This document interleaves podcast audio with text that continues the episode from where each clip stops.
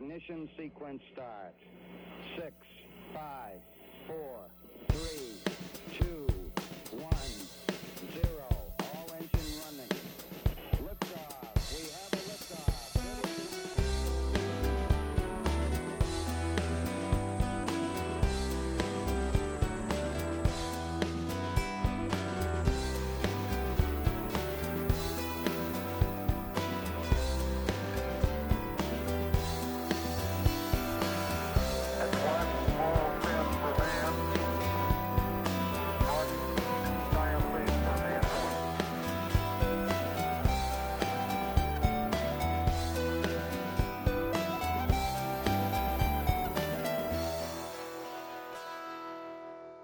Hej och välkomna till Slottspodd, Slottsskogsobservatoriets poddradiosändning.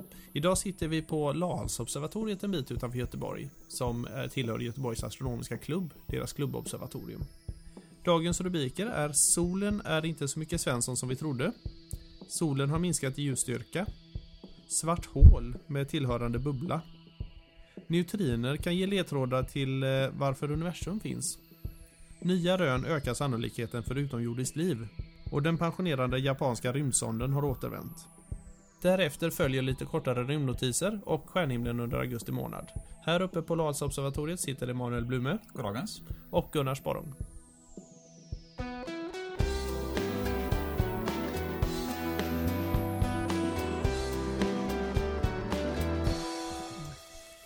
Ja du Gunnar, nu är vi inte på vårt vanliga observatorium. Nej, just det. Vi är uppe på Lahalsobservatoriet. Ett litet 5 meter i diameter observatorium som står uppe på en bergstopp utanför Göteborg.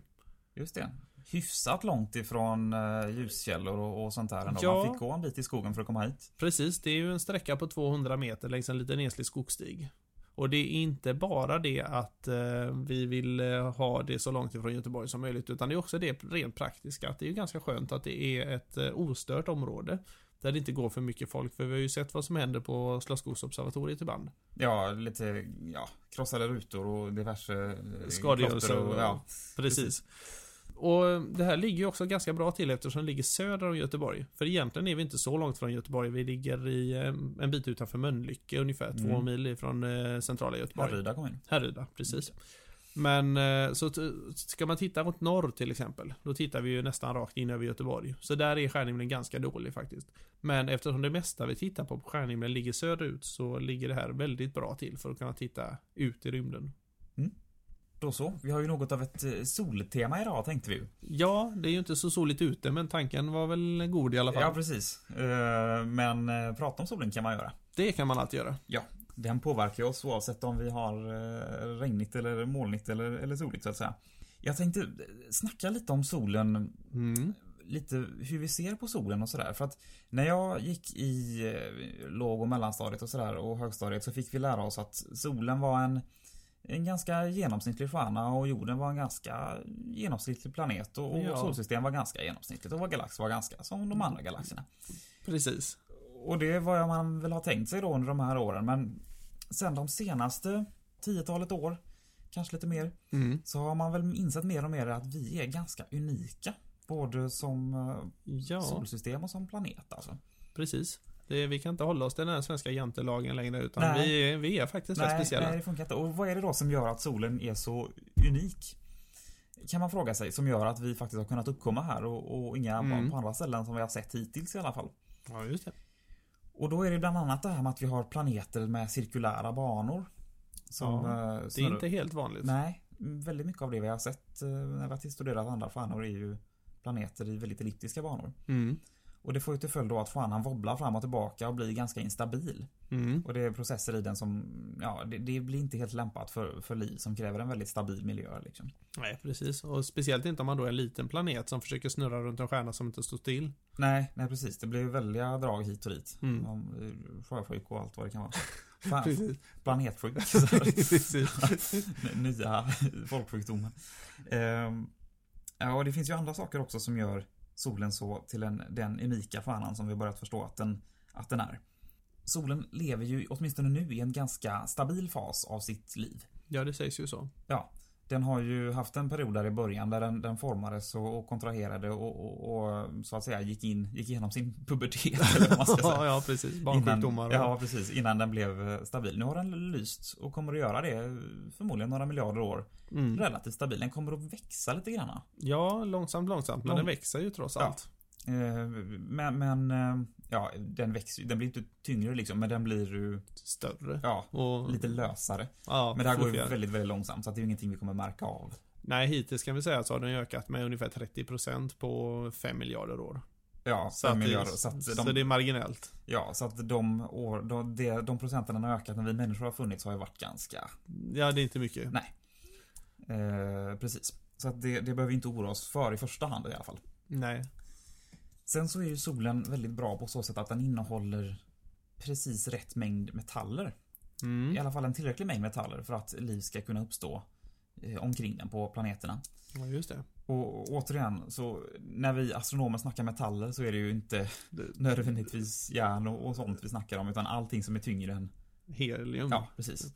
Precis. Eftersom helium och väte bildades ju i, i Big Bang när universum skapades. Och en ruskigt liten mängd litium. Ja, just det. Precis. Det var en, en smula, det är den tredje då i periodiska systemet. Ja, precis. Eh, Men allt annat som är tyngre än litium och även det mesta av litiumet har Mm. bildats på annat håll. Precis. Eh, Till exempel i stjärnor då. Mm. Så den första generationens stjärnor som bildades efter Big Bang innehöll i princip bara helium och väte. Mm. Och det, det orsakar en del problem om man nu tittar på det. Forskarna idag har fortfarande svårt att förstå hur eh, de här första stjärnorna kunde bildas. För ska det dra ihop sig gasen så måste den på något sätt göra sig av med värme. För att eh, om gasen trycks ihop så blir den varmare. Mm. Och är den varmare så vill den expandera. Mm. Så det är liksom det är en boomstopp där egentligen. Så någonstans ska den stråla ut värme och man vet inte riktigt hur den processen gick Nej, till. Nu, nu är det väl så att de börjar komma en lösning på spåren men jag har än så länge inte sett något svar på frågan. Nej, nej, nej precis. Och, och just de här första generationerna innehöll ju inga ämnen som kunde bilda hårda planeter till exempel då. Nej, precis. Eller planetkärnor. Så att det var ju gasjättar som, som Mm. blev då när det blev planeter. Ja, Så var det först egentligen andra, tredje generationens, jag tror att solen är tredje generationens stjärna. ungefär får man väl säga för den säkert kryddas lite Ja, från precis. höger och det, vänster. ju- det går ju inte riktigt att, att, att definiera eller säga exakt där. För att, Nej, det, Men det är alltså första gener- generationens stjärnor som har exploderat i supernovor och sånt där. mm, Och då, eftersom de bildar tyngre ämnen inuti sig själva, både under sitt liv och mm, framförallt som supernovor. Så, Ja. så bildas det ju tyngre ämnen som då kommer in i nya stjärnor som bildas. Och då blir det andra generationens. ja och så det. fortsätter det sådär. Så tack vare att eh, vår sol har byggts upp av så gammalt eh, stjärnstoft från gamla stjärnor så, så Återvinning. ja, och, precis. Mycket viktigt. Att Mm. man tar vara på det som man faktiskt tillverkar. Precis. Även i de här sammanhangen. Japp. Har bidragit då till att göra solen till den oas som den ju är för oss då. Ja. Sen är solen också eh, relativt fri från inre skalv och sånt där har man kunnat se med radio, eh, radioundersökningar av den. Så att man eh, Ja, just det. vi är, vi är väldigt förskonade ifrån eh, strålningsutbrott och, och den typen av fluktuationer och grejer som gör att vi Ja. inte hade kunnat vara kvar här då ifall vi hade varit utsatta för det. Nej, precis. För det, vi behöver en ganska stabil eh, himlakropp eh, Mm. nära oss för att vi ska kunna få det här eh, hyfsat stabila klimatet som vi har idag. Ja, precis. Faktiskt. Så vi kan ju låta den här lilla introduktionen av våran sol också vara inledningen på det här programmet med lite soltema. Mm, just det.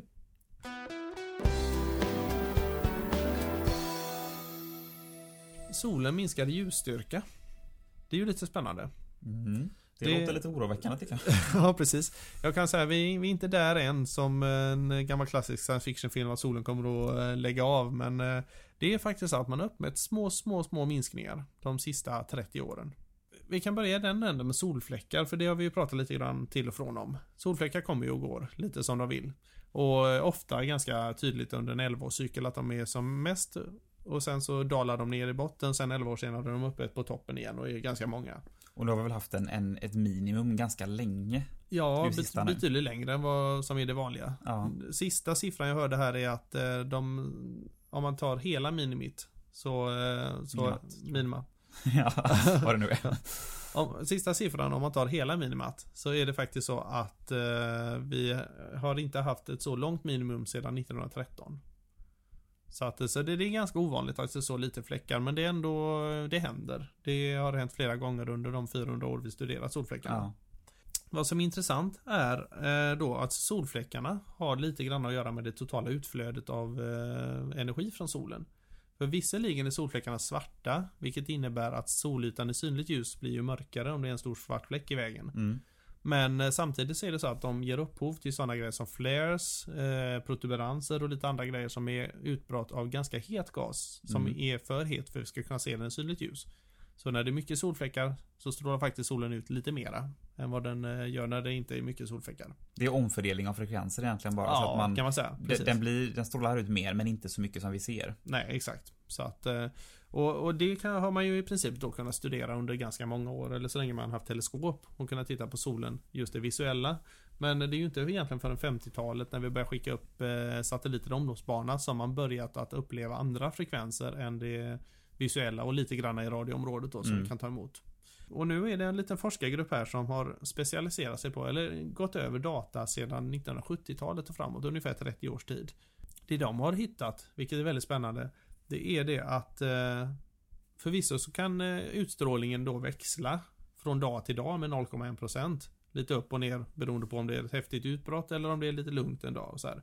Men genomsnittet är väldigt, väldigt stabilt och Mm. händer egentligen ingenting med.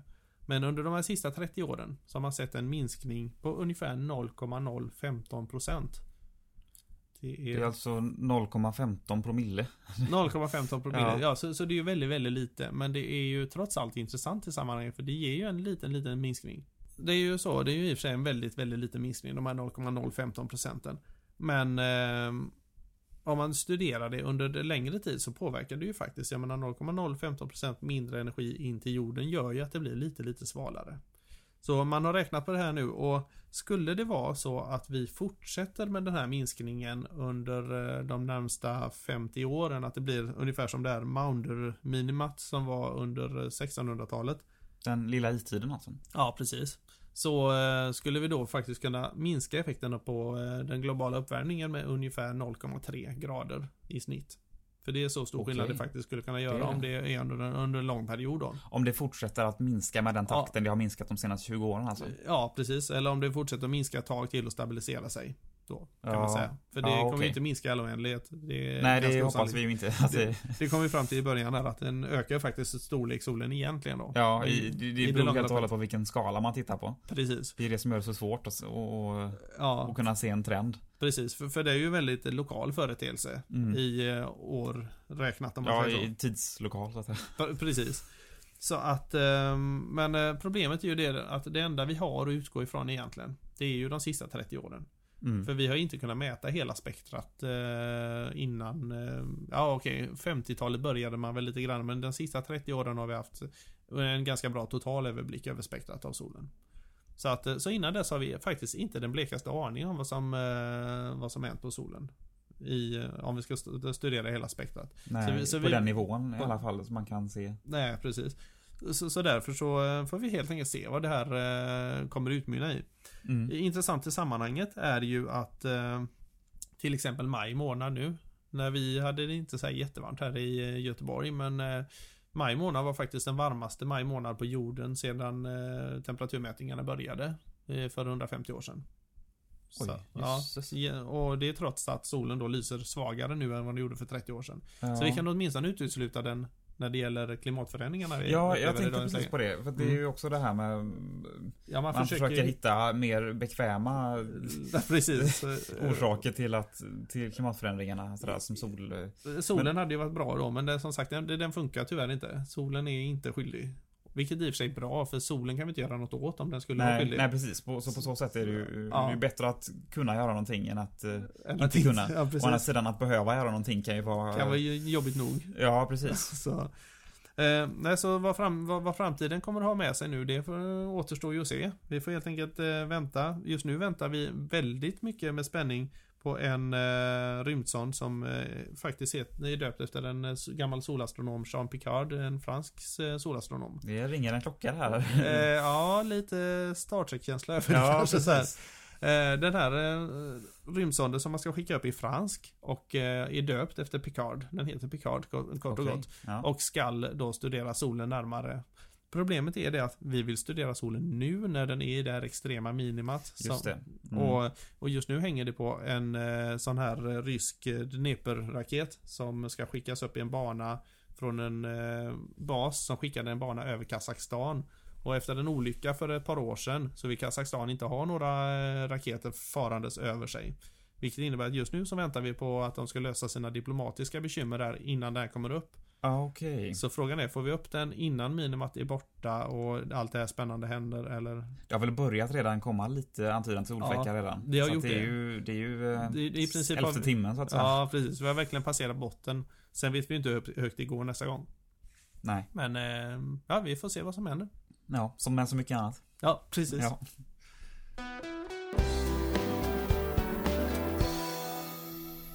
Då tänkte jag berätta lite om ett solsystem som vi ska vara rätt glada att vi inte lever i. Okej. Som egentligen är ett, ett sånt här eh, dubbelstjärnesystem som du pratade om tidigare. Mm. Mm. Men där den ena stjärnan har eh, dött och bildat ett svart hål. Okej.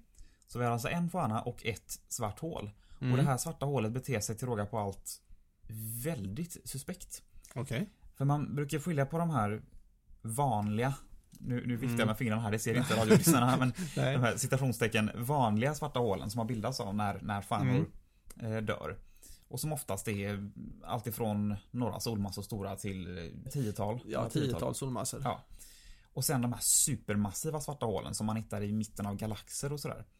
Eh, Som Mm. beter sig ganska annorlunda på grund av sin gigantiska massa då. Mycket Precis. högre aktivitet. Men den här, det här svarta hålet som man har hittat nu. Det är alltså det europeiska teleskopet VLT. Mm. Som står för det kryptiska Very Large Telescope. Mm. De är så uppfinningsrika Ja, astronomerna. otroligt uppfinningsrika. Eh, och NASAs Chandra-teleskop. Mm. Som har tillsammans upptäckt det här solsystemet då med det svarta hålet och stjärnan. Mm. Grejen med det här svarta hålet är att det är ett litet svart hål på ett par solmassor. Som beter sig som om det vore ett gigantiskt supermassivt svart hål. Okej. Så att det har de här väldigt karaktäristiska jetstrålarna som, som brukar tryckas ut av de här stora kvasarerna och, och pulsarerna och så här. De har som skickar ut åt två, åt två riktningar liksom. Ja, just det. Just det. Längs polerna på... Ja, precis. Uppåt och neråt. Eller Mm. norr och söder ifrån de här hålen räknat då. Precis. Det här svarta hålet bildar alltså en bubbla av het gas omkring Okej. sig som växer och växer och det är på grund av de här jetstrålarna som Mm. träffar den interstellära gasen och värmer Det upp vill säga den. gasen mellan stjärnorna då. Ja, precis. Gasen Mm. mellan stjärnorna. Eh, som träffar den här och värmer upp den och bildar den här expanderande bubblan då kring det här solsystemet. Okej. Och den här bubblan är inte liten utan den är eh, storleksordningen 1000 ljusår i diameter. Det är seriöst. Det är en, Det är en det rejäl bubbla. Ja, precis. Det fixar, inte man, det fixar man inte med ett tuggummi liksom. Det, Nej, precis. det är betydligt större än så. Ja. För jämförelsens skull kanske man ska säga att tjockleken på våran galax här där vi lever, där vi har alla våra stjärnor runt omkring oss är ungefär 10 000 ljusår tvärs över. Så 1000 ljusår är ju en tiondel av tjockleken på galaxen Ja. faktiskt. Det, det, det är rätt stort. Och det här Ja. hålet är väl ett par kilometer stort tror jag. Och, och då med tanke på att de här fåtalet kilometrar ger upphov till en bubbla som är 1000 ljusår. Det är Det är, det är ungefär som att tänka sig en, en fotboll. Som ger upphov till en, en, en bubbla som sträcker sig från jorden till Plutos bana. Lite längre Okej. ut än så. Ja, där, där ser man eh, perspektivet i sammanhanget. där, alltså. verkligen. Så sann, sannolikt ligger det en hel bunt med stackars stjärnor och planeter inneslutna i det här Ja, systemet. precis. då. Som, som gränsar. Sen är väl inte den här bubblan speciellt tjock. Den här gasen är väl ganska, ganska tunn så att säga. Ja, det bör Men det är ändå så vi kan se den. Ja. Eller upptäcka den i alla fall. Det är där Chandra-teleskopet kan, kommer in kan jag tänka mig. För det observerar väl i ganska korta våglängder. Mm, det vill jag minnas. Precis. Och så ser du just den där riktigt heta gasen då som är inuti bubblan. Ja. Det, det, den som har skrivit om det här är en, någon som heter Manfred Puckle. Ja, jag ber om ursäkt eh, Manfred om, om jag inte kan uttala ditt namn rätt om du lyssnar här. Vilket du kanske skulle kunna göra. Eh, han har i alla fall skrivit en Mm. forskningsartikel i Nature tillsammans med en del andra forskare. Mm. Där han skriver att, att de är förundrade över hur mycket energi det här svarta hålet pumpar ut. Fast det bara är några solmassor eh, tungt så beter det sig som om det vore en, en, en gigantisk svart hål på flera miljoner solmassor. det är fascinerande. Det där måste alltså käka en del det här svarta hålet. Ja. De måste få tag på något och... Ja, ja som driver det. det, det, det käkar väl av sin, sin grannes, av fanan liksom. Mm. Men, men det är frågan om det räcker för att kunna få en sån enorm aktivitet. Jag tror inte Ja. att de riktigt vet varför. Nej, det återstår att se då. Ja, Spännande. så. Sen ligger det här systemet eh, ungefär 12 miljoner ljusår bort. Så att vi, eh, Ja, vi ligger okej. inte i riskzonen för att hamna i den här bubblan i alla fall. 12 miljoner, då ligger det alltså i en av våra närmare granngalaxer. Ja, i Ja. eh, NGC eh, 7793. Okej. Som är en, en granngalax då. Mm. Och det har hållit på att skicka ut de här jättestrålarna, jättestrålarna Mm. i eh, storleksordningen ja, minst 200 000 år. Okej. Så att Så- det är inte Men det, det, jättelänge nej, precis, eh, det kan vara en ganska tillfällig aktivitet ändå. Ja, Så, jag skulle tro att den kan inte hålla på så länge i och med att den har en Nej. enorm... nej, eh, sån extrem produktion och så liten eh, massa så Den måste helt enkelt sluta. Den kanske hade en, eh, kanske var en följeslagare till där från början. Det kan det ha varit. Det kan ha varit en kollision eller någonting Ja. som kan ha... Någon som sliter sönder Ja. den stycken då. Så. Ja, Men det är ett, spännande. eh, astronomiskt detektivarbete. Ja, Ja. Det är, så är det att vara astronom. Det är Ja. spännande nästan jämt. ja.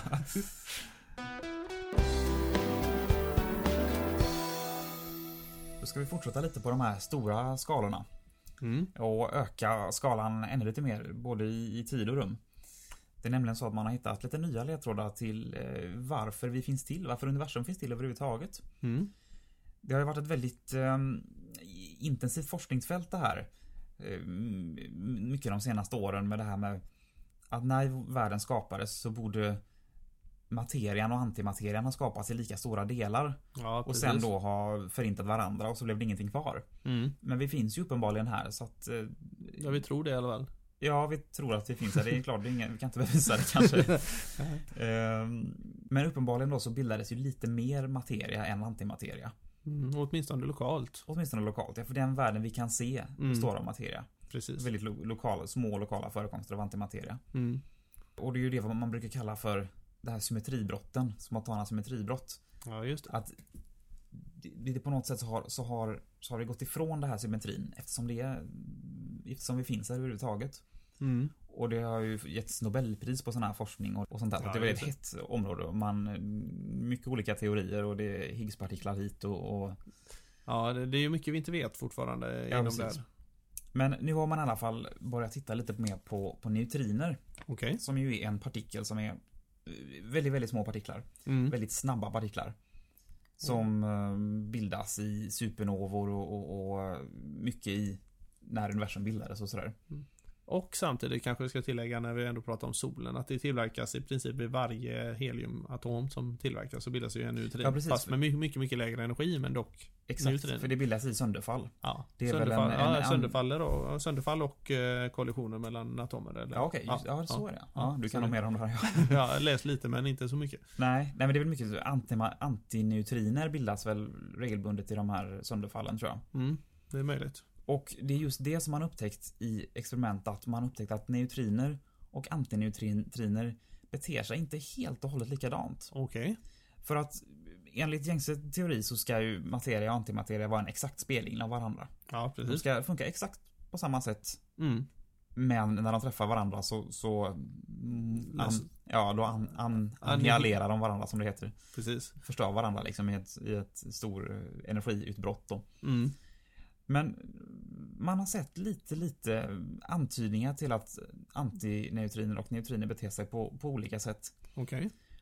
Och det kan man då tänka sig är någon slags ledtråd till det här med att det kanske är någon skillnad på materian och antimaterian ändå som gjorde att det blev lite mer av det ena Jaha. när världen bildades. Så det här kan vara ett, ett spår, en ledtråd i rätt riktning till att, att knäcka det här mysteriet varför vi överhuvudtaget finns här. Det är spännande. Ja. Och därför har man också spekulerat i, det är egentligen en gammal teori, att det skulle finnas ytterligare en sorts neutrino. Okej. För att man brukar prata om tre sorters neutriner. Mm. Eh, Tau-neutriner, elektroneutriner och myonneutriner tror jag de Mm. heter. Mm. Och det har länge funnits en teori om att det skulle finnas en fjärde sort. Okej. Och den har man förkastat lite med jämna mellanrum och tagit upp tråden på. Men det här tyder Mm. på då att det skulle finnas kanske någon okänd sort då som man inte har känt till tidigare. Ja, ja. Det är intressant. Mm. När vi ändå talar om neutriner så måste jag ju lägga till då, apropå, för jag kom ju att tänka på de här neutrinerna för jag råkade läsa i veckan här en artikel om eh, egentligen radioaktivt sönderfall, vilket jag tycker är lite spännande. De eh, har testat, eh, eller egentligen gjorde de ett helt annat experiment där de använde radioaktivt radium. Mm. Ja, radium är väl alltid radioaktivt. Ja, det brukar vara ja, precis. Men en isotop av radium med, sönder, med en sönderfallstid på ett par hundra år, om jag inte missminner mig. Det här var ju ingen astronomiartikel, så jag skrev inte ner det. Men det roliga med den var att de upptäckte årstidsväxlingar i sönderfallet. Okej, så att den, den följde en, en säsong liksom? Ja, precis. Den, den sönderföll lite långsammare i juli månad än i januari. Och det är ju, jag menar det första de tänkte på var okej, temperaturen kanske växlar lite mycket i experimentlokalen så att luften är lite tätare och detektorn reagerar lite annorlunda. Ja, Och så här. Men hur de än gjorde så fick de inte bort fenomenet. Utan de... för just, just, just radioaktivt sönderfall brukar väl vara liksom just The Holy Grail of Time eller något sånt här. Ja, precis, det är det man vet- använder för att definiera tid liksom. För Ja, det finns nästan. inget exaktare Precis, man- åt det hållet. Det finns inget sätt att påverka det liksom. Nej. Trodde man då. Men eh, nu är det faktiskt här att eh, vid eh, sönderfallet av radium så tillverkas det neutriner. Positiva neutriner eller eh, vad man nu kallar dem. Vanliga Ja, neutriner. neutriner. Neutriner Sådana som inte är antineutriner. Ja, exakt. Men så är det så att vid, vid eh, tillverkningen av helium i solen så bildas också antineutriner. Och eh, nu har man räknat lite på det här och det är fullt möjligt att en antineutrin som träffar den här radiumkärnan kan ha samma effekt som en neutrin som försvinner från kärnan. Men det, det är fortfarande mycket spekulationer kring det här. Men eh, så de har gått runt och letat bland andra forskningsfält där man har hållit på med radioaktiva isotoper för att se om det finns någon annanstans och upplevt samma problem. Och då har den här forskargruppen lyckats hitta eh, ett annat ställe där de jobbade med, jag har för mig att det var någon av, eh, någon av ädelgaserna de höll på och jobbade med. Men jag är inte helt säker, det, det ska jag låta osagt. Men de hittade i alla fall en annan isotop som reagerar på samma sätt. Och vad man nu antar då är att det här har att göra med att vi ligger närmare solen i januari. Och träffas alltså således av lite fler neutriner och då skyndas processen på lite, även om den egentligen är oberoende av solen så är den inte helt oberoende. Men det var en parentes i sammanhanget. Ja. Då ska vi återgå till lite mer eh, jordnära nyheter här. Mm. Vi har ju eh, tidigare nämnt, det var väl i februariavsnittet tror jag, som vi pratade om eh, den här japanska rymdsonden. Ja, just det. Hayabusa heter. Hayabusa ja. Som eh, hade råkat lite illa ut och blivit lite tilltygad på, på vägen och har landat. Det är den första sonden som har skickat en landare till en asteroid. Ja, just det. Och det var den, eh, asteroiden heter Itokawa, om jag minns Mm. rätt. Ja. Och nu har alltså Hayabusa orkat sig tillbaka igen till jorden och släppt sin, sin landare med sin eh, last då ifrån asteroiden. Den landar i Australien, södra Australien tror jag, i, eh, Just den, i juni någon gång, 13 juni. Mm. Själv blåste den väl vidare och åkte vidare. Den hade väl något mer att göra om den nu... Ja, den hade något mer på sin eh, uppdragslista vet jag. Ja, Vad det nu var för något. Och se om den klarar det med tanke på hur, hur, Ja, hur det- den blev. Det är väl lite tveksamt, men eh, vi får hoppas på det bästa. Ja, man kör väl dem där så länge de, så länge de går så att säga. Precis. Eh, I alla fall, den här lasten då visade sig innehålla partiklar ifrån asteroiden. Okej. Och det, det trodde man var ganska låg sannolikhet att den skulle göra det. Mm. Eh, Men det visade sig att man hittade millimeterstora partiklar. Man är inte helt säker på att de är från asteroiden. Det kan ha varit så att de kom ifrån jorden innan sonden sköts upp. Mm. Eller att den kom ifrån andra delar av sonden eller någonting. Mm. Men om det nu är partiklar som man har hittat här så är det något av en världssensation faktiskt. Ja, det är ju verkligen en milstolpe i sådana fall. Ja, verkligen. För det är ju egentligen...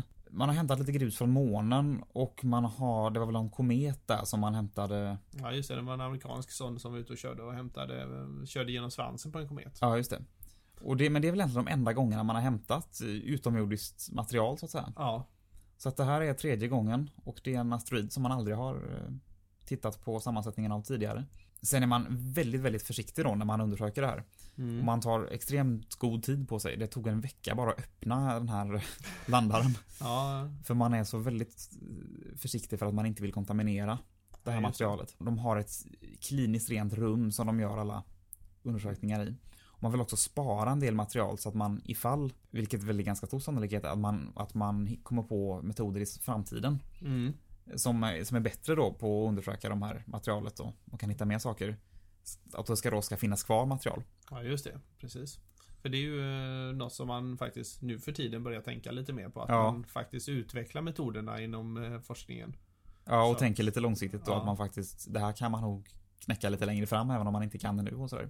Precis, påminner mig om det här experimentet de gjorde på 50-talet när man testade och gjorde en konstgjord jordisk eh, atmosfär i, eh, i provrör i princip. Ja just det. Det här man fick lite aminosyror och grejer fick Precis, man väl. man hittade en tre, fyra stycken då Ja. i, för 50 år sedan och i, i slutet på 90-talet så hittade man 23 aminosyror i samma prov. Ah, Så att- ah, just det. Så, att, så, så det, det, det lönar sig att spara och Ja.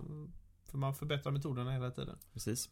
Eh, hållbarhet även, eh, det, det funkar, det är bra i alla sammanhang alltså. Ja, absolut. Tänka hållbart. Precis.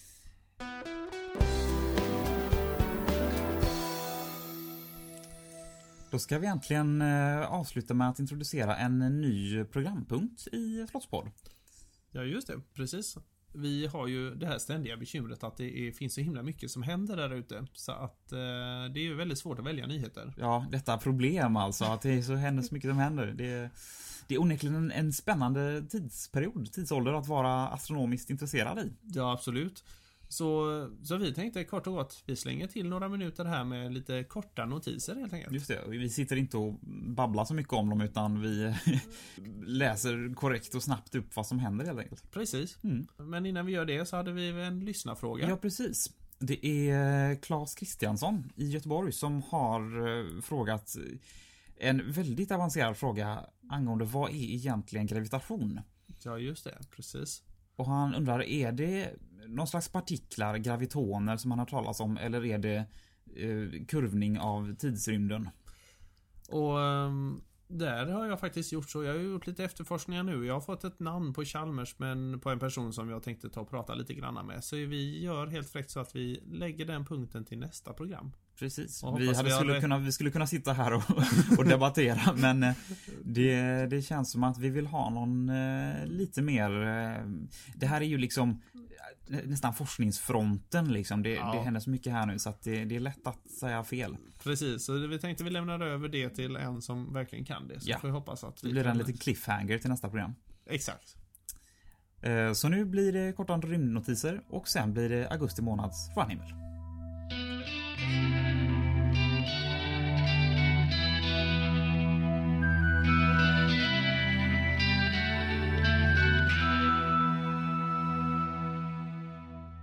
Månadens rubriker i korthet.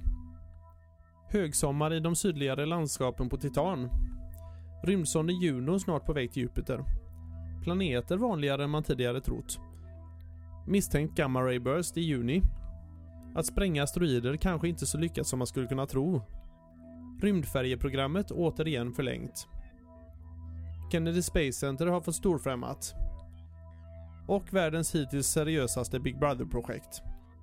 Men allra först ett kort reportage om solförmörkelsen i juli månad.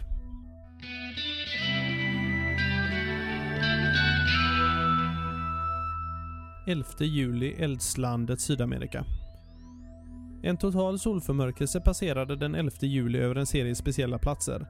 Bland annat Mangaya som tillhör ögruppen Cooks Islands.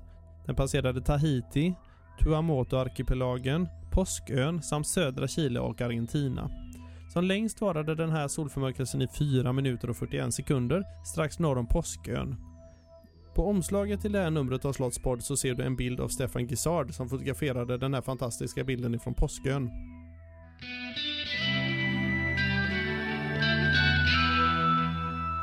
Sjöar på Titan, rätt lika jordens sjöar. Att sjöar på jorden ibland har högre nivå och ibland lägre och att avdunstningen ökar på sommaren och minskar på vintern är väl inte så överraskande. Men nu har Saturnussonden Cassini hittat samma fenomen på just Titan. En forskargrupp ledd av examensarbetaren Alexander G. Hayes på California Institute of Technology har gått över fyra års data och eh, sett samma typ av växlingar på Titan. Vad man har observerat är cirka en meters nivåsänkning per år i en av sjöarna på Titans södra halvklot, där det just nu är högsommar.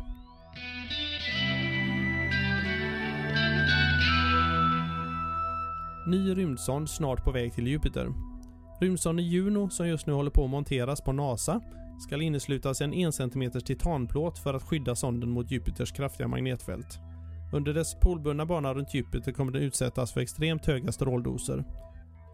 Sonden kommer att skickas upp år 2011 för att ankomma till Jupiter under 2015. Väl där ska den utröna huruvida Jupiter kan ha en kärna av sten samt studera planetens kraftiga magnetfält lite närmare. Uppdraget kommer att ta 15 månader och under dess vistelse kommer sonden att utsättas för strålning motsvarande ungefär 100 miljoner röntgningar hos tandläkaren.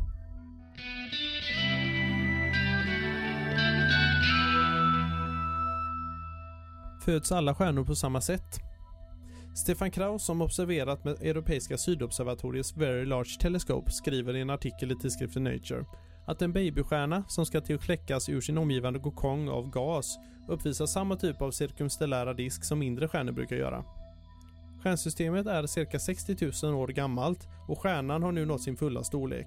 Den lyser med 30 000 gånger solens ljusstyrka och kommer inte kunna dra till sig mera gas. Disken runt stjärnan sträcker sig 130 000 astronomiska enheter ut och antyder att stjärnor med mer än 10 gånger solens massa också har möjlighet att bilda planeter.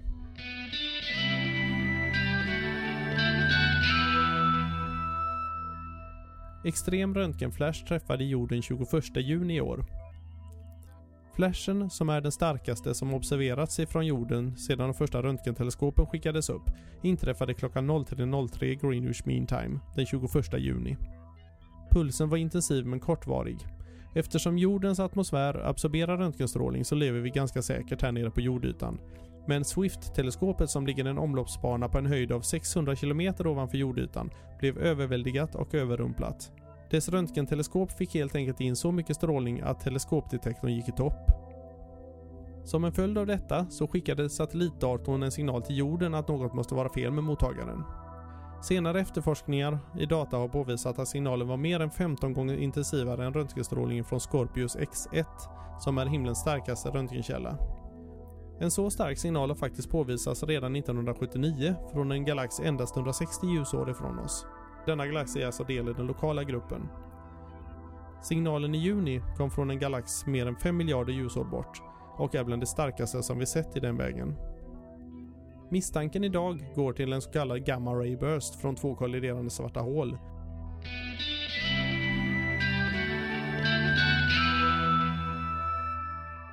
Spränga asteroider kanske inte är bästa försvar. Nya datorsimuleringar visar att en asteroid större än en kilometer inte kommer gå att spränga sönder för att undvika kollision med jorden. En sprängning med kärnvapen skulle innebära att mindre delar uppnådde flykthastighet och lämnade asteroiden. Men huvuddelarna skulle bli så stora att inom mellan 2 till 18 timmar skulle de samlas igen under sin egen gravitation. Resultaten presenterades i juni på Lunar and Planetary Science Conference i Houston, Texas av Don Korusansky från University of California.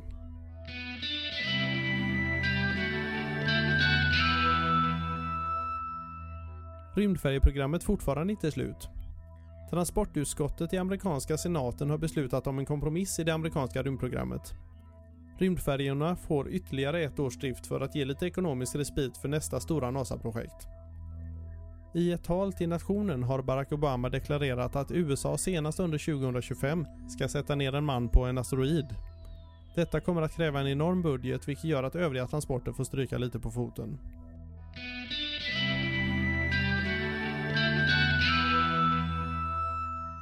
Kennedy Space Center får oväntat besök. En mängd ägg från utrotningshotade Camp Ridleys havssköldpaddor har samlats in längs USAs mexikanska golfkust där oljan hotar att ta död på dem.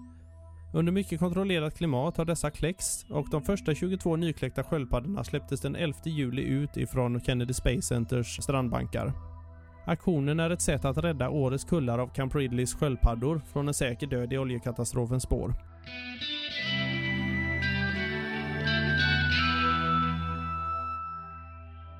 Så till sist, Mars-teamet jobbar enat vidare i flygsimulatorn. Världens hittills seriösaste Big Brother-projekt, den ryska Mars-simulatorn, fungerar fint. Teamet på sex personer är på gott humör efter den första månaden i sin 520 dagars långa vistelse. Alla ombord är friska och krya berättar man från Moskvas institut för medicinska och biologiska problem.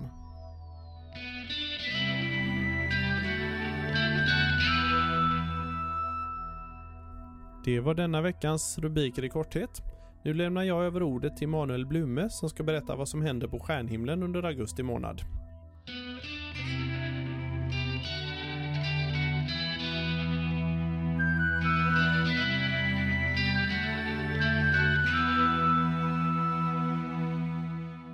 Mörkret kommer nu tidigare och tidigare om kvällarna och de legendariska mörka varma nätterna i augusti är här. Med dem följer massor av satelliter, Vintergatans glans, för att inte tala om alla stjärnfall. Det är allt något speciellt med augusti månad. Här kommer stjärnhimlen i mitten av augusti runt klockan 23, det vill säga när det blivit hjälpligt mörkt. Låt oss börja i väster. Klockan 23 ligger den ljusstarka stjärnan Arcturus i Björnvaktaren rakt till väster, drygt 20 grader upp. Snett upp till höger från Björnvaktaren ligger Karlavagnen som en del av den delvis svagare Stora björnen. Åt söder, 70 grader uppåt, ligger stjärnan Vega i Lyran. Nedanför Vega och något åt vänster ligger två ljussvaga stjärnor horisontellt. Mittemellan de här ligger Ringnebulosan som går att se med ett mindre teleskop från en mörk himmel eller ett något större teleskop ifrån Göteborgs ljusförorenade himmel. Den ser ut ungefär som en mycket liten rökring. Den går nästan att förväxla med ytan på en mycket ljussvag planet. Det är därav namnet planetarisk nebulosa kommer, trots att det i själva verket rör sig om resten av en solig stjärna. Till vänster om Vega ligger stjärnan Deneb, den ljusstarkaste stjärnan i Svanen som bildar Svanens stjärt. Svanen flyger så här års söderut, eller snarare mot sydväst. Den bildar med sin långa hals och vingarna något som snarare ser ut som ett kors än en svan. Nedanför Deneb och Vega ligger stjärnan Altair i Örnen, också den en stark stjärna. Går vi vidare åt ost-sydost har Jupiter gått upp för en stund sedan och ligger nu på 10 graders höjd. Rakt ovanför Jupiter ligger Pegasus, en ljussvag kvadrat som lutar åt vänster. Övre delen av kvadraten går in i stjärnbilden Andromeda. Om du följer kvadratens övre ände och räknar stjärnorna från höger i kvadraten till vänster i kvadraten till nästa och nästa stjärna så räknar du stjärna 1, som är till höger i kvadraten, 2 till vänster, 3 och 4 utanför kvadraten till vänster. Vid stjärna 4 så tar du tvärt till höger 90 grader. En liten bit upp så hittar du en svag stjärna. Därefter lika långt till så syns en suddig liten fläck om du är ute på landet. Det är Andromeda-galaxen. I en fältkikare eller ett teleskop så ser du det allra innersta av denna galax som annars är sex fullmånar i rad i diameter från vår synvinkel. Det ljus som du ser nu är 2,7 miljoner år gammalt. Snett ovanför Andromeda, åt vänster, har du Cassiopeia som nu ligger som ett W högt till nordost. Rakt nedanför Cassiopeia, till vänster om Andromeda, ligger stjärnbilden Perseus. Det är härifrån meteorerna i meteorskuren Perseiderna ser ut att komma. Fortsätter vi sedan mot norr så ligger på 57 graders höjd en svag stjärna ganska ensam om du befinner dig i Göteborg vill säga, eller tillsammans med ännu svagare fanor om du ser på en mörk himmel. Det är fanan Polaris, eller Polstjärnan. Polstjärnan är den starkast lysande fanan i Lilla björnen och ligger 430 ljusår från jorden. Den är också en multipelfana. Den ljusaste, som kallas Polaris A, har en massa som är sex gånger större än solens. Dess följeslagare, Polaris B, väger 1,5 solmassor och ligger 2400 astronomiska enheter ifrån A. Den tredje, AB, ligger endast 18,5 astronomiska enheter från A och en liten röd dvärg. Dessutom finns det två ännu mer avlägsna följeslagare, C och D. Polaris A och B kan särskiljas med ett ganska litet teleskop. Polaris är också en så kallad Cepheid-variabel som under antiken tros ha varit två och en halv gång svagare än vad den är idag. Så lite om solsystemet i augusti. Vi startar som vanligt med månfaserna. Månen i sista kvarteret den 3 augusti 07.01. Nymånen infaller den 10 augusti klockan 05.09. Månen i första kvarteret 16 augusti klockan 20.15 och åter full den 24 augusti klockan 19.06. Så till planeterna. Merkurius ligger som längst till vänster, det vill säga öster om solen den 7 augusti. Trots detta går den på grund av sin dåliga vinkel i förhållande till solen ned nästan samtidigt med solen och kommer inte att synas på blotta ögat. Möjligtvis med en fältkikare, men var noga med att inte titta i riktning mot solen eftersom du kan få ögonskador som inte går att läka. Venus går nu ner tidigare och tidigare i skymningen och är därför inte riktigt lika praktfullt som förut. I sin bana är den nu närmare oss än vad solen är. Därför är den numera en avsmalande skära som gör sig fint i teleskop. Mars ligger vid solnedgången den första, 9 grader till vänster om Venus. Den 19 passerar Venus mindre än 2 grader nedanför Mars. Det vore ett fint fototillfälle om det inte vore för båda planeternas dåliga läge. Därefter följer de båda planeterna varandra på nära håll ner i skymningsdiset resten av månaden. Jupiter går den 1 augusti upp exakt i öster klockan 22.45. Sista augusti går den upp två timmar tidigare, klockan 20.45 och blir allt bekvämare att observera. Saturnus ligger cirka två grader ovanför Mars i början av augusti men avlägsnar sig snabbt åt höger mot solen. Även Saturnus ligger sämre och sämre till och den ligger lågt redan då solen går ner. Uranus ligger fortsatt nära Jupiter, bara två grader snett uppåt höger i förhållande till den ljusstarka grannen. Du får lätt in dem samtidigt i din fältkikare. Får du in den i teleskopet så borde du se den som en mycket liten skiva till skillnad från de ganska punktformiga farorna. Några andra händelser den här månaden. Meteorskuren Perseiderna närmar sig sakta maximum och det blir fler och fler meteorer för varje kväll fram till den 12-13 då maximum infaller. Kolla efter klockan 22. Titta mot stjärnbilden Perseus som bör finnas i öster så här dags. Det är under sådana nätter som solstolen verkligen kommer till nytta. Där det är varmt, sätter man fötterna mot Perseus och fäller ryggstödet bekvämt bakåt. Den första timmen är meteorerna få, men det är då chansen för så kallade Earth Grazers är som störst. Earth Grazers är meteorer som träffar atmosfären i så flack vinkel att det är som att kasta macka. De studsar ut i rymden igen. Därmed ser man långsamma ljusa spår som om de är riktigt stora sveper från horisont till horisont på 3-4 sekunder. Ju senare ikväll desto kortare meteorer. Samtidigt blir de fler. När maximum infaller någon gång kring den 12 augusti så kan antalet komma upp i så många som mellan 50 och 100 i timmen efter midnatt. Rykten talar om upp till 300 men det är obekräftade uppgifter inför årets skur. Efter den 12 avtar skuren snabbt och slutar helt runt den 21.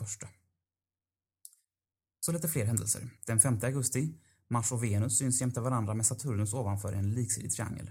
En bra fotomöjlighet. Det är också snyggt i fältkikaren. Den 5 augusti fyller också Neil Armstrong 80 år, som var vår första man på månen. 6 augusti är asteroiden Itokawa som närmast jorden med 0,568 astronomiska enheter. Men i och med dess ringa storlek på 330 meter så är den inte synlig med mindre än rejäla amatörteleskop från jorden. Den 7 augusti är Merkurius i sin största östliga elongation, det vill säga längst till öster om solen. 8 augusti, Venus passerar Saturnus drygt 2,5 grader ifrån. Ytterligare en fotomöjlighet, också snyggt i fältkikaren. 11 augusti passerar Cassinosonden återigen Titan. Och 12 augusti når Presiderna sin topp. 19 augusti är det exakt 50 år sedan, sedan Sputnik 5 med hundarna Belka och Strelka, de första överlevande och återvändande djuren. Till skillnad från hunden Laika som dog av stressen i rymden men som annars ändå inte hade kunnat landa. 20 augusti har vi Venus i största östliga elongation. 20 augusti har vi också Neptunus i opposition. Och 25 augusti har vi norra Iota-akvariderna som har maximum med mellan 5 och 10 meteorer per timme. Vad händer då på observatoriet den här månaden? Jo, den 12 augusti klockan 22.00 har vi meteorobservationer i Göteborgs botaniska trädgård. Vi på Slottsskogsobservatoriet kommer då arrangera observationer utanför lusthuset på ängen i Botaniska trädgården i Göteborg. Vi kommer att ha öppet mycket omkring den 13 och 14 augusti under Way Out West. 14.00 till 17.00 kommer vi ha solvisningar följt av stjärnhimmelsvisning mellan 22 och 00. Alla under 25 år går in gratis med legitimation. 27 augusti klockan 20.00 har vi fladdermus och månexkursion. Det blir först ett föredrag kring fladdermöstens dolda liv. Klockan 21.00 har vi exkursion med ultraljudsdetektorer och vid midnatt så har vi månvisning på Slottsskogsobservatoriet. Mer information kring våra aktiviteter finns på http slottsskogsobservatoriet.se.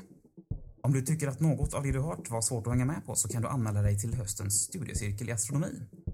Du kan också beställa visning eller få reda på mer om våra aktiviteter på slottsskogsobservatoriet.se eller på 031 12 63 00. Klara skyar önskar vi på Slottsskogsobservatoriet.